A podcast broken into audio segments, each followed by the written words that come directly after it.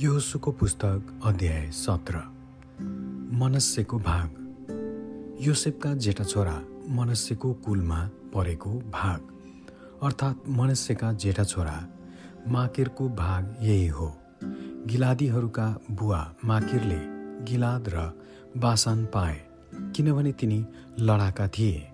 यसकारण मनुष्यका बाँकी सन्तानले अर्थात् एबिएजेरका सन्तान हेलेकका सन्तान अस्रियलका सन्तान सकेमका सन्तान हेपेरका सन्तान समिदाका सन्तानहरूले तिनीहरूका वंश वंश अनुसार भाग पाए। तिनीहरूका वंश अनुसार योसेफका छोरा मनस्यका पुरुष सन्तानहरू यिनै हुन्। तर मनस्यका छोरा माकिर तिनका छोरा गिलाद तिनका छोरा सलोफातका छोरीहरू बाहेक छोराहरू थिएनन्। तिनका छोरीहरूका नाउँ यिनै हुन्।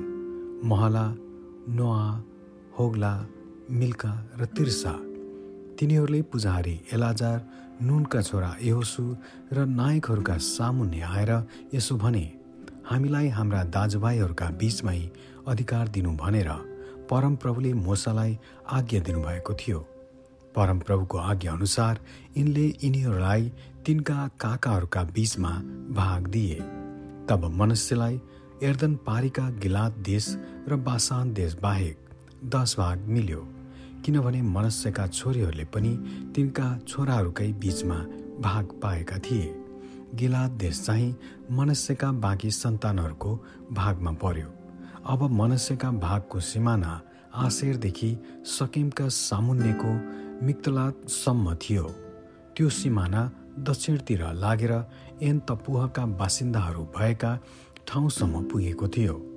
तपुहीहरूको देश मनस्यको भागमा पर्यो तर मनुष्यको सिमानामा भएको तपुह चाहिँ एफ्राइमका सन्तानको भागमा पर्यो अनि त्यो सिमाना दक्षिणतिर कनाको खोल्सासम्म गएको थियो। मनुष्यका कति सहरहरू एफ्राइमको भागमा पर्यो तर मनुष्यको सिमाना चाहिँ खोल्साको उत्तरतिर थियो र त्यो समुद्रमा गएर टुङ्गिएको थियो। दक्षिणतिर एफ्राइमको र उत्तरतिर मनुष्यको भाग थियो। मनुष्यको सिमाना चाहिँ समुद्रमा गएको थियो र त्यो उत्तरतिर आशेर र पूर्वतिर इसाखारसम्म पुगेको थियो। इसाखार र आशेरमा मनुष्यलाई यति पर्यो। बेतसान र त्यसका बस्तीहरू इब्लाम र त्यसका बस्तीहरू डोरका इन्दोरका तानक्का र मगिद्दोका बासिन्दाहरू र तिनीहरूका बस्तीहरू। सूचीमा तेस्रो चाहिँ डोरको लेख हो। तैपनि मनुष्यका सन्तानले ती सहरहरूका बासिन्दाहरूलाई धपाउन सकेनन् किनभने ती कनानीहरू त्यस देशमा बस्न मन गरेका थिए।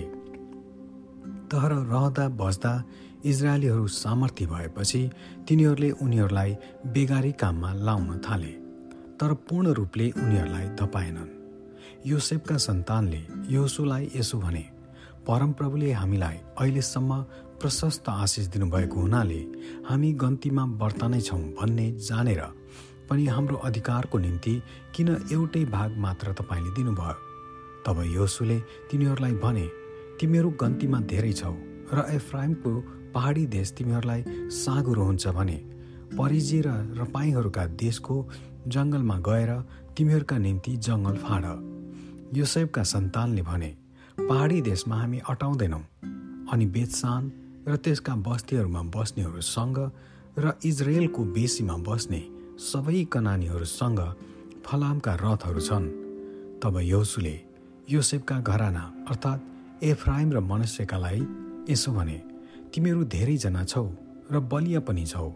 तिमीहरूलाई एक भाग मात्र हुने छैन तर पहाडी देशको जङ्गल पनि तिमीहरूकै हुन्छ। त्यसका रुखहरू फाँड र त्यहाँ आसपासका जमिन पनि तिमीहरूकै हुनेछ ती कनानीहरूसँग फलामका रथहरू छन् र तिनीहरू सामर्थ्य छन् तापनि तिमीहरूले तिनीहरूलाई धपाउन सक्नेछौ। आमेन।